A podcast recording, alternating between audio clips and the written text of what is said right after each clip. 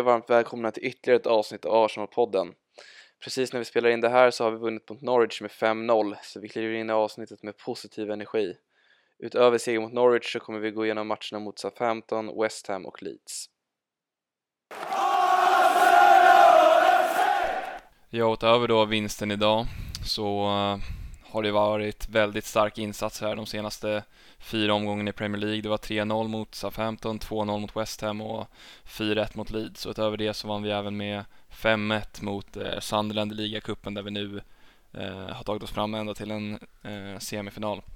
Så det är väldigt positiva vindar just nu och eh, insatserna blir väl mer och mer jämna också. Det är väl eh, utöver att vi liksom samlar ihop en massa viktiga poäng här i, i tabellen så är det väl att vi spelar väldigt bra och att vi har börjat göra mycket fler mål. Um, som är liksom det, det, positiva beskedet. Och det är något som vi har båda har liksom efterlyst i tidigare avsnitt och som alla Arsenal-fans och experter och journalister överallt har sagt att även om vi har vunnit så har det inte varit så mycket mål och vi har inte skapat så jättemycket tydliga chanser men nu så börjar det verkligen eh, liksom att se annorlunda ut på den fronten och det är väl eh, Ehm, ja, hela laget som gör det bra och Artetas liksom uppställning och, och instruktioner men den liksom lysande stjärnan tycker jag under hela december har ju varit eh, Martin Ödegård som verkligen har liksom hittat sig själv och sin, och sin eh, ja, men sin eh, position och sin, eh, sina uppgifter i laget. Och han eh, briljerar ju i stort sett varje match nu och nu senaste matchen här som du precis sa att vi såg klart mot Norwich och även om Saka som vanligt var briljant så var han nog min man of the match. Han slog två assist här och jag tror han har gjort tre mål och tre assist under eh, december och det är mest poäng och i, i hela Premier League under månaden så han eh, ser fantastisk ut och jag var en av dem som eh, innan vi köpte honom liksom ja, men skakade lite på axlarna och, och kände att kan vi inte få någon bättre här när vi ändå ska liksom signa en ny talisman, en ny tia som ska efterträda Özil. Eh, kanske en Madison var ju någon som jag själv var ett fan av och kanske såg som lite bättre än Ödegård men han har ju verkligen bevisat mig fel på den fronten och, och väldigt många andra i att han nu liksom eh, match efter match blir en av våra bästa spelare. Ja, verkligen. Eh, och det är kul att han har kommit igång med poängproduktionen som du säger. Det känns som att han har hittat lite den formen som han hade i slutet på förra säsongen eh, när vi tog oss fram till Europa League-semifinalen och hade några fina insatser i ligan. Så det är bara att hoppas att han kan fortsätta eh, prestera på den här nivån. Eh, han är annars en spelare som kan vara lite ojämn och sådär som, som vi vet. Men att han håller den här uh, nivån känns viktigt för att uh, vi ska fortsätta vinna och framförallt att vi gör så mycket mål i och med att han, han skapar ju verkligen grejer varje gång han får bollen och försöker spela svårt hela tiden. Uh, men en annan faktor som vi båda har pratat om och som många pratar om det är ju det här med Aubameyang att han inte spelar just nu och varför kommer vi gå in på lite senare men um, nu när inte han har varit laget, det är nästan då vi har gjort våra bästa insatser och framförallt då spelet flitit på allra bäst. Um, så att det kanske är lite blessing in disguise att han inte är med i laget just nu och kanske då inte kommer vara med i laget uh, ja, något alls framöver. Um, så det är bara att fortsätta nu och pumpa på. Vi har haft enkelt schema nu, schemat kommer bli lite svårare framöver men det känns som vi bygger på en bra grund nu här och den här eh, i alla fall trion där framme med Ödegård, Saka och Lacazette känns given. Sen är det svårt att säga vem som ska vara start på sikt mellan Smith Rowe och eh, Martinelli. Eh, jag sa ju det nu under Norwich-matchen när eh, Smith Rowe kom in och gjorde både assist och mål eh, att jag tycker att han ändå är den som, som ska vara start och det är ändå den som jag håller som den bättre spelaren allround. Men eh, det känns som att du är i alla fall lite mer åt Martinelli-hållet. Ja, alltså överlag håller jag med om att eh, Smith Rowe är eh, inte bara den bästa spelaren av dem utan en av de bästa i hela laget. Ehm, och det är något vi har varit inne på liksom under hela säsongens gång. Men Martinelli ersätter ju lite den rollen som Aubameyang har, att han har det här liksom eviga liksom löpandet in bakom. Han är väldigt snabb upp i pressen på att pressa sin ytterback, på att pressa målvakten. Han är ju den som säkrast tar mest skott utav eh, liksom den här unga trion bakom Lacazette. Ehm, även mer skott än Lacazette själv. Han påminner lite om eh, liksom Alexis. Ehm, även om man har liksom sura minnen kring honom och hans, hur han lämnade klubben så påminner han ju om honom på det sättet att han är verkligen en evighetsmaskin som aldrig slutar kämpa, som aldrig slutar löpa ehm, och som liksom alltid vill ta matchen i sina egna händer och strunta lite i hur dåligt laget spelar eller hur bra laget spelar för den, det är liksom både positivt och negativt att han är lite i sin egen värld ibland. Um, men just nu har han varit fantastisk och ja, det är liksom, han har inte fått den här platsen före Smith Rowe gratis på något sätt. Ehm, det var väl precis när Smith Rowe var skadad som han eh, fick chansen, men sen har jag hållit Smith Rowe ute i laget och det är ju väldigt svårt med tanke på hur bra han har varit. Ehm, så det är väldigt mycket cred till Martinelli och det är något som Arteta varit inne på att den mentaliteten som han har som så ung att han eh, liksom inte har varit ens i truppen, inte varit nära startelvan och ändå arbetat så hårt och hållit uppe den här moralen och sen direkt när han blir kallad på att få chansen så briljerar han. Och ja, det var ju som du sa under matchens gång när vi diskuterade här att det är verkligen ett lyxproblem vem av dem som ska starta. Um, och det känns ju som översikt så är det ju Smith Rose position. Han har ju nummer 10 liksom. Han är en talisman i det här laget. Men uh, Martinelli kommer ju vara oerhört nyttig, framförallt nu då när vi inte kör med någon ren nummer nio egentligen eftersom Lacazette alltid droppar så lågt och inte är i boxen särskilt ofta och inte typ aldrig löper in bakom så passar det väldigt bra just nu med Martinelli. Ja, han har ju absolut eh, sina egenskaper och han är ju väldigt direkt i sin spelstil på alla sätt och vis. Det är det att han, eh, jag tycker jag och en del andra har ju samma typ av kritik mot honom, att han känns väldigt oslipad och och lite kantig och han kör ju bara på. Han springer liksom in i, i flera motståndare ibland. Han gjorde det några gånger bara idag. Samtidigt som han är väldigt delaktig och absolut är stor del till att vi gör, ja men framförallt första målet liksom att han eh, i att han tvekar inte när han får bollen utan han bara kör, kör, kör rakt mot mål. Så att, eh, ja, lyxproblem. Ehm, jag kan känna det att i de här lite jämnare matcherna eh, där det gäller att eh, liksom inte göra några fel, inte några misstag utan att göra allt till perfektion då eh, är Smith Rowe den jag vill ha för han tappar ju väldigt sällan bollen och han spelar med lite mer mognad i sitt, eh, sitt spel liksom. Eh, samtidigt som han också har lite av det här riviga och drivet och att han löper väldigt mycket. Eh, men Martinelli har ju, alltså om han bara kan finslipa resten så har vi en, en toppspelare där liksom. Ja, det är något som jag mm, tänkte på också lite. Jag läste någon intervju om hur Arteta just var med och utvecklade Sané i City innan han bröt igenom och det var ju det här att han lärde honom att spela sitt spel lite i växlar och inte att köra liksom högsta växeln i varje aktion utan att lära sig hantera det. Och det är något som man verkligen ser, ja dels med Smith Rowe men framförallt med Saka tycker jag, att de vet när de ska ta det lite lugnt, de vet när de ska växla upp i den här enorma liksom farten och kvaliteten och, och liksom intensiteten som de har i sig. Det känns lite som att Martinelli fortfarande är i det där stadiet där han alltid kör högsta växeln. Även om han nu under liksom de här senaste omgångarna ja, har visat lite mer mogna tycker jag i alla fall än när han precis slog igenom. Um, han har blivit mycket bättre tycker jag liksom i att hålla i bollen lite och, och fördela den vidare även om som sagt han älskar liksom att gå själv och leta eget avslut och liksom tittar upp lite för sällan fortfarande. Um, men det är ju också något som kan vara bra eh, för vi, vi har ju så många kreativa spelare och, och lite för få spelare som letar avslut. Eh, nu har ju Saka visat upp lite här att han inte är rädd för att skjuta och han är inte rädd för att göra mål, att han kan göra mål.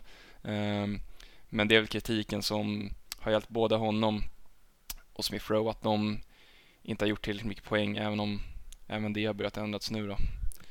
Ja, det jag har känt med, med Martinelli det är liksom att om han verkligen ska vara på en kant som vi spelar idag och så som laget ser ut nu så kan inte han vara centralt. I och med att det är Lacazettes positioner verkligen och den rollen Lacazette fyller där är ju jättenyttig och jättebra och behövs verkligen med tanke på hur mycket kreativa spelare runt om att det behövs någon som kan droppa ner lite och vara lite som en, eh, eh, vad säger man, som ett bollplank liksom som man kan eh, ja, men finlira lite med och, och växla lite med.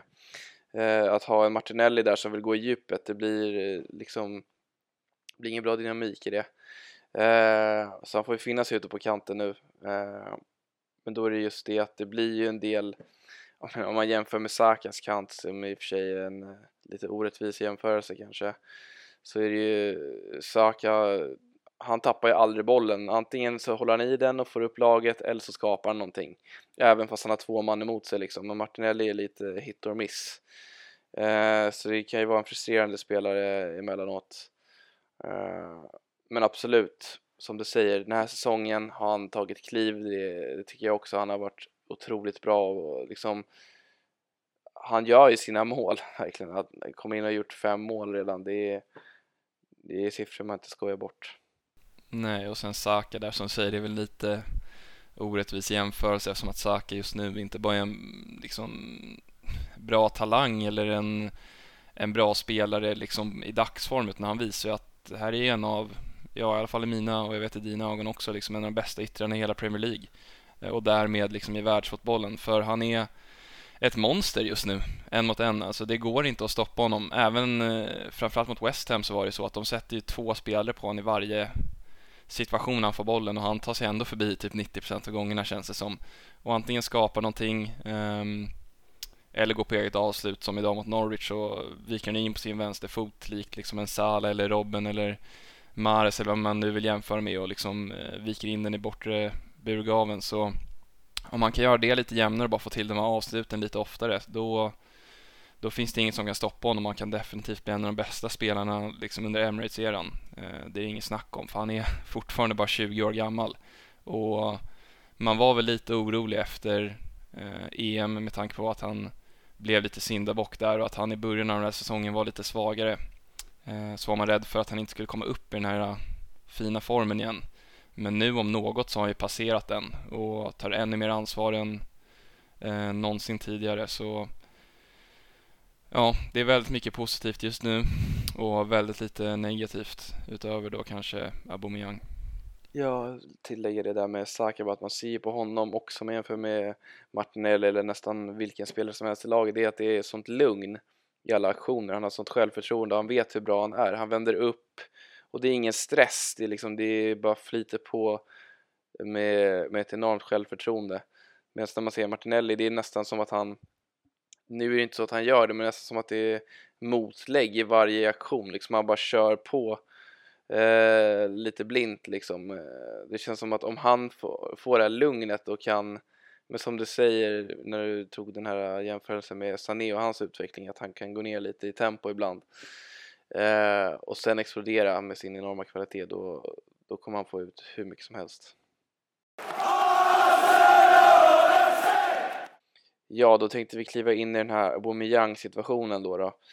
Eh, behöver inte gå in exakt på varför han var borta och sådär men själva situationen var så här att han fick ju tillåtelse att eh, ta ledigt eller åka iväg eh, under liksom eh, ja man hade ett agreement att då kommer det tillbaks i tid och så vidare såklart men han åkte iväg, sen kom han tillbaka sent och utöver det så misskötte han även de här covid eh, men eh, reglerna som finns runt alla klubbarna. Så att han eh, så han misskött sig helt enkelt igen och det är inte första gången han gör det, han har haft liknande liksom situationer tidigare säsonger och att han då gör det som kapten när laget dessutom under den här tidpunkten var i en liksom lite mer negativ situation, det var precis efter förlusterna mot eller efter förlusten mot United.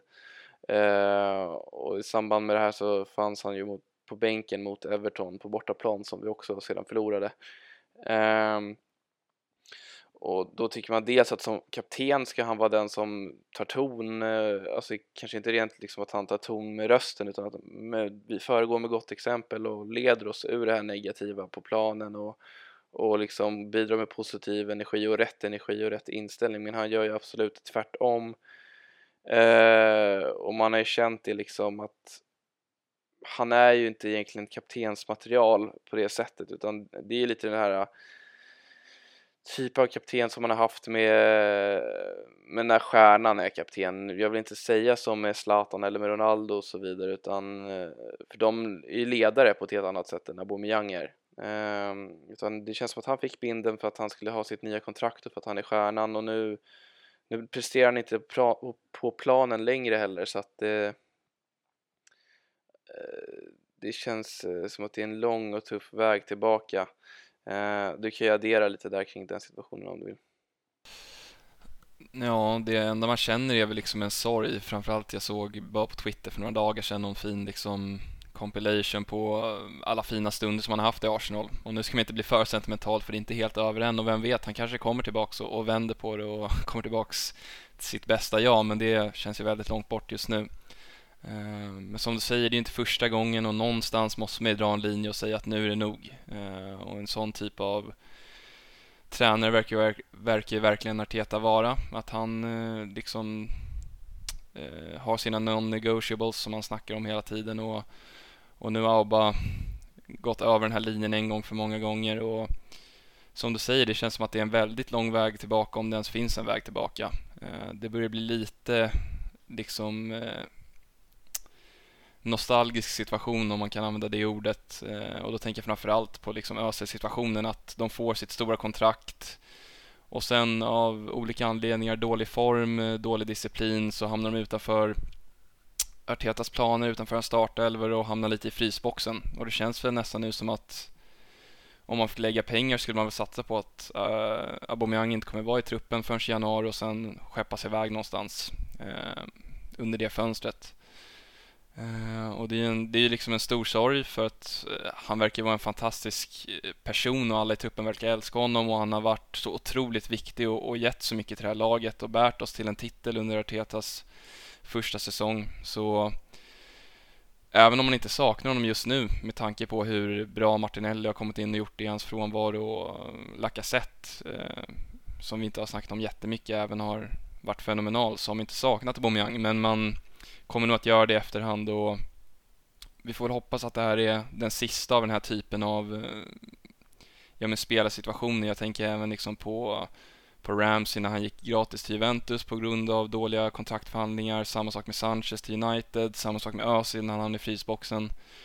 Så vi får hoppas att vi vänder ett blad här och inte hamnar i den här situationen igen och att vi kan ha lite mer liksom framåtsikt och ja, men disciplin när vi förhandlar kontrakten och inte låta oss bli överkörda av sådana här stjärnspelare som tar feta kontrakt och sen eh, liksom går på semester. Um, för det håller ju verkligen inte och det det är bara dåligt för hela truppen och det ser väldigt dåligt ut eh, utifrån. Ja, och nu har vi ju en tydligare vision i, i hela bygget och vad vi vill framåt. Jag tänker att de här situationerna som var med med Özil, med Ramsey, även Alexis Sanchez och så vidare. Det var under slutet med Wenger när hela klubben och alla runt om visste att det var förändring på gång att ske och, och i den fasen kom ju även Aubameyang in liksom som Wengers eh, sista stora värvning. Och sen hade vi ju under Emry liknande situationer. Vi hade eh, Mikitarian som var in och ut och som gick iväg på lån och vi hade konstiga värvningar i samband med att vi hade Raoul som styrde och, och ställde eh, som ansvarig för, den, eh, för de besluten i klubben. Och sen har Aubameyang nu kommit in och, och levererade under, ja men medan Arteta höll på att hitta sig själv och, och vad han vill med klubben eller under ja, hans early days verkligen.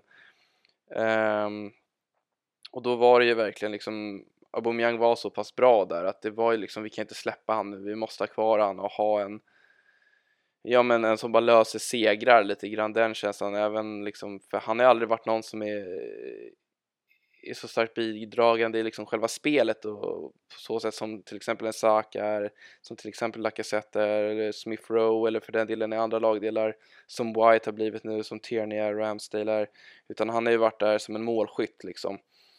Um, så nu framöver känner man liksom att efter det här fönstret som var nu i somras där i stort sett alla värvningar föll fint ut och har bidragit på sitt sätt.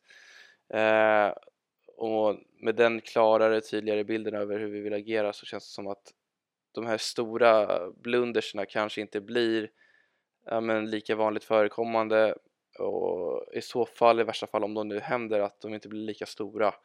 Um, sen är det såklart, man blir blind när det går så pass bra och då känns allt jättebra men det känns ändå som att det är, det är en tydligare riktning i, i hela klubben liksom.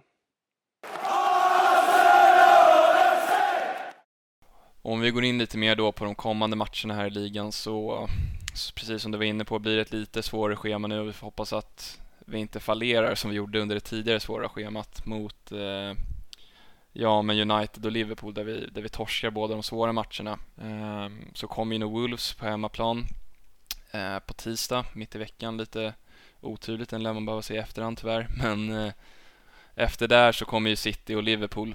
Ehm, Liverpool i och för sig i ligacupen men det är en match vi förhoppningsvis kommer vilja vinna för att få en chans på någon titel den här säsongen. Ehm, det blir väldigt svårt känns det som och mm, ja, en match mot City i, ligan är väl någon man nästan redan har tänker sig liksom noll poäng på. Ehm, men vem vet, vi får hoppas att Arteta kan eh, slå till något lurt eh, för Pep. Ja, verkligen. Eh, och den kommer som sagt efter Wolves som också är på hemmaplan. Får hoppas att vi kan fortsätta den här fina formen nu mot Wolves, ta en seger där. Wolves är historiskt kompakt, svårslaget lag. Eh, så de lär säkert göra det lite svårt för oss. Eh, men en seger där och sen kliva in på hemmaplan, Emirates mot City.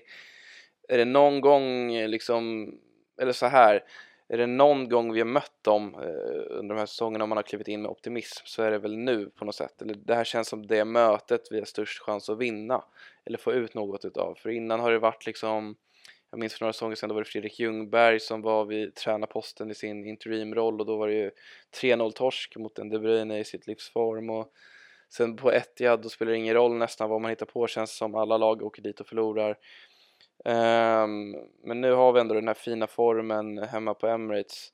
Dock tyvärr är det lite som, jag menar vi har mött uh, ett Norwich eller uh, Leeds liksom som är lite mer spelande lag i. Uh, att så blir det lite för city som när vi möter de här sämre lagen i och med att vi vill ju spela ut och vi kommer inte ställa någon buss så det passar ju Citys offensiva Eh, kreativa spel väldigt bra liksom. Eh, vi, de möter ett lag som vill spela på samma sätt fast vi har sämre, sämre spelare på varje position liksom. Så att eh, rent objektivt så borde ju, alltså City är ju favorit och City borde vinna den här matchen, tyvärr. Eh, men utöver den matchen så väntar ju sen i ligan efter de här Liverpool-matcherna i, i Caribou Cup så väntar ju Tottenham på bortaplan och den matchen känns ju nu med Conte vid rodret som en ja, 50-50 match eller vad man ska säga. Det blir väldigt tufft. Eh, och Contes typ av fotboll passar ju inte heller så pass bra ihop med hur vi vill spela känner jag liksom. Det är ju Eh, trebackslinje och ganska så pragmatisk approach, mycket omställningar. Ehm, så att eh, den matchen blir ju ja, väldigt nervös.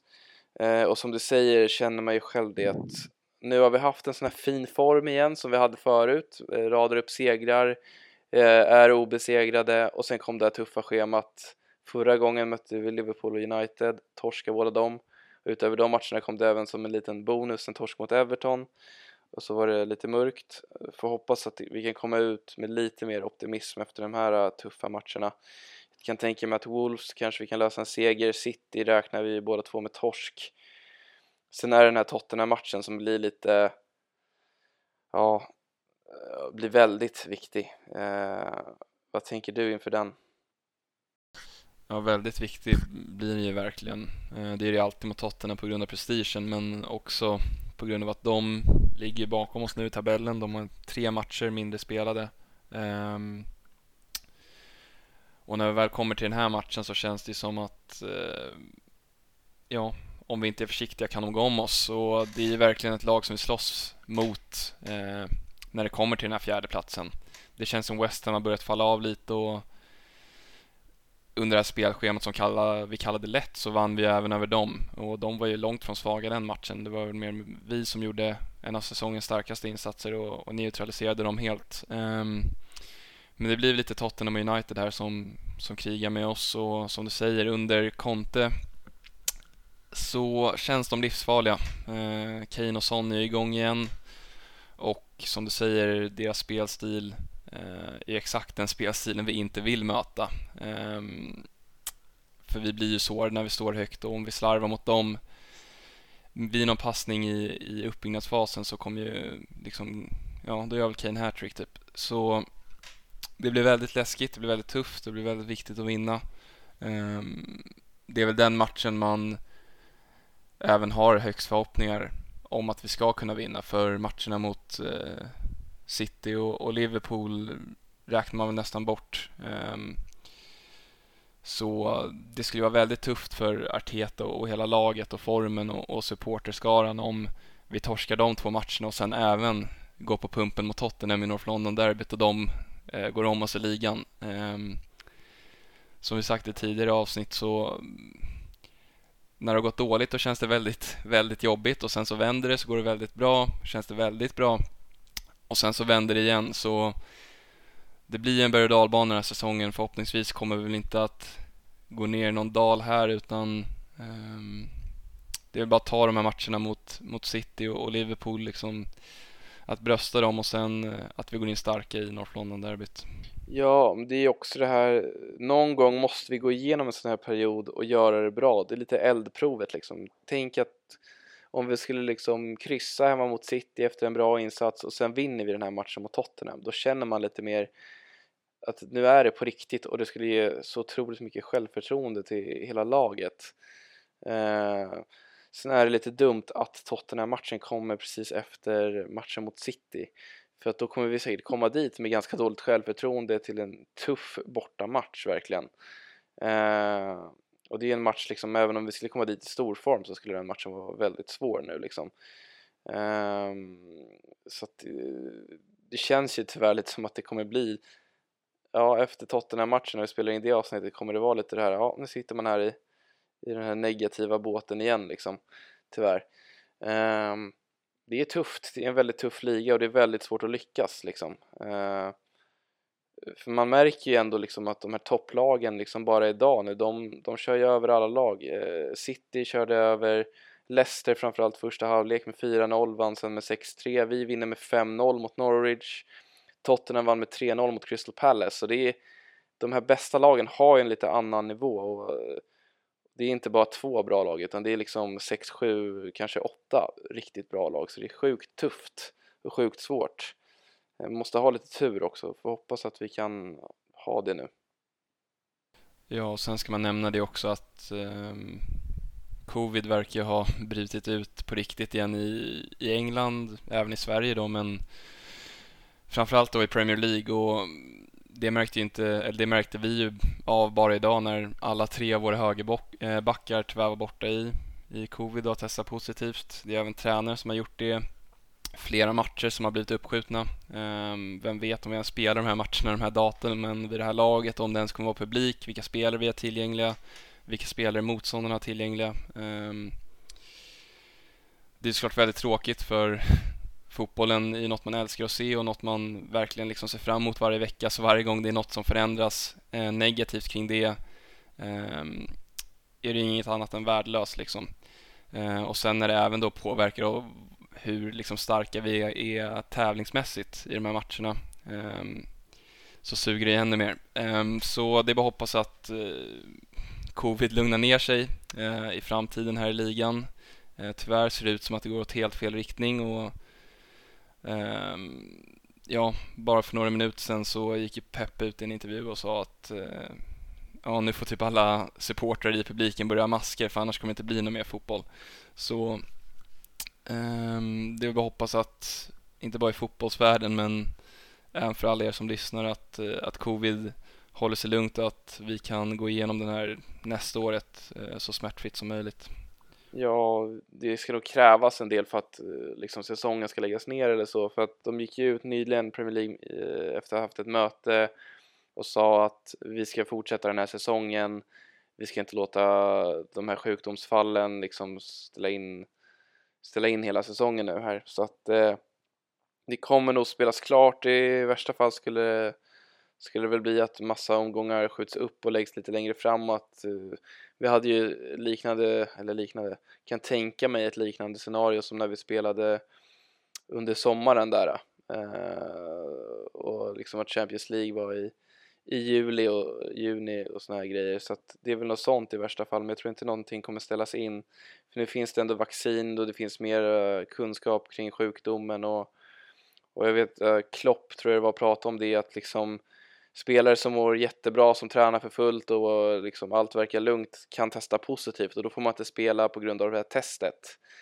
Um, och det känns som att, eh, om det är man inne på i det verkliga livet också, liksom att det kommer bli att det är som en årlig influensa, en maginfluensa eller vad som, man får vaccinera sig men man blir inte så sjuk. Ehm, men just nu, det är mycket politik, det är moralisk fråga och, och sådär så att man förstår ju att man, man måste ta det på stort allvar och, och ibland ställa in matcher och sådär men det känns ändå som att situationen är betydligt mer stabil än vad den var när, när det bröt ut liksom att vi kommer nog inte hamna i, i en inställd säsong igen. Och där kände vi oss klara för idag. Tack för att ni har lyssnat, ni som lyssnat. Det blir lite svårare nu med avsnitten i och med att det är så tätt matchande och utöver det så har det även varit lite julafton och sådär och så kommer det nyårsafton. Så vi lägger ut avsnitten när vi kan och har tid eh, och då får det väl bli lite mer som idag liksom under den här hektiska spelperioden att man går igenom eh, flera matcher i ett avsnitt istället för att fokusera på en eller möjligtvis två. Eh, så kommer det bli lite mera stabila avsnitt och sådär eh, längre fram. Yes, så blir det och som sagt eh, vi satsar och funderar på att starta ett Twitterkonto och investera lite nya mikrofoner och sådär så, så att kvaliteten och upplevelsen av podden ska bli bättre. Eh, så fort något sånt händer så, så meddelar vi såklart om det. Eh, och utöver det så tackar vi bara för oss och önskar er god jul och gott nytt år. Tack.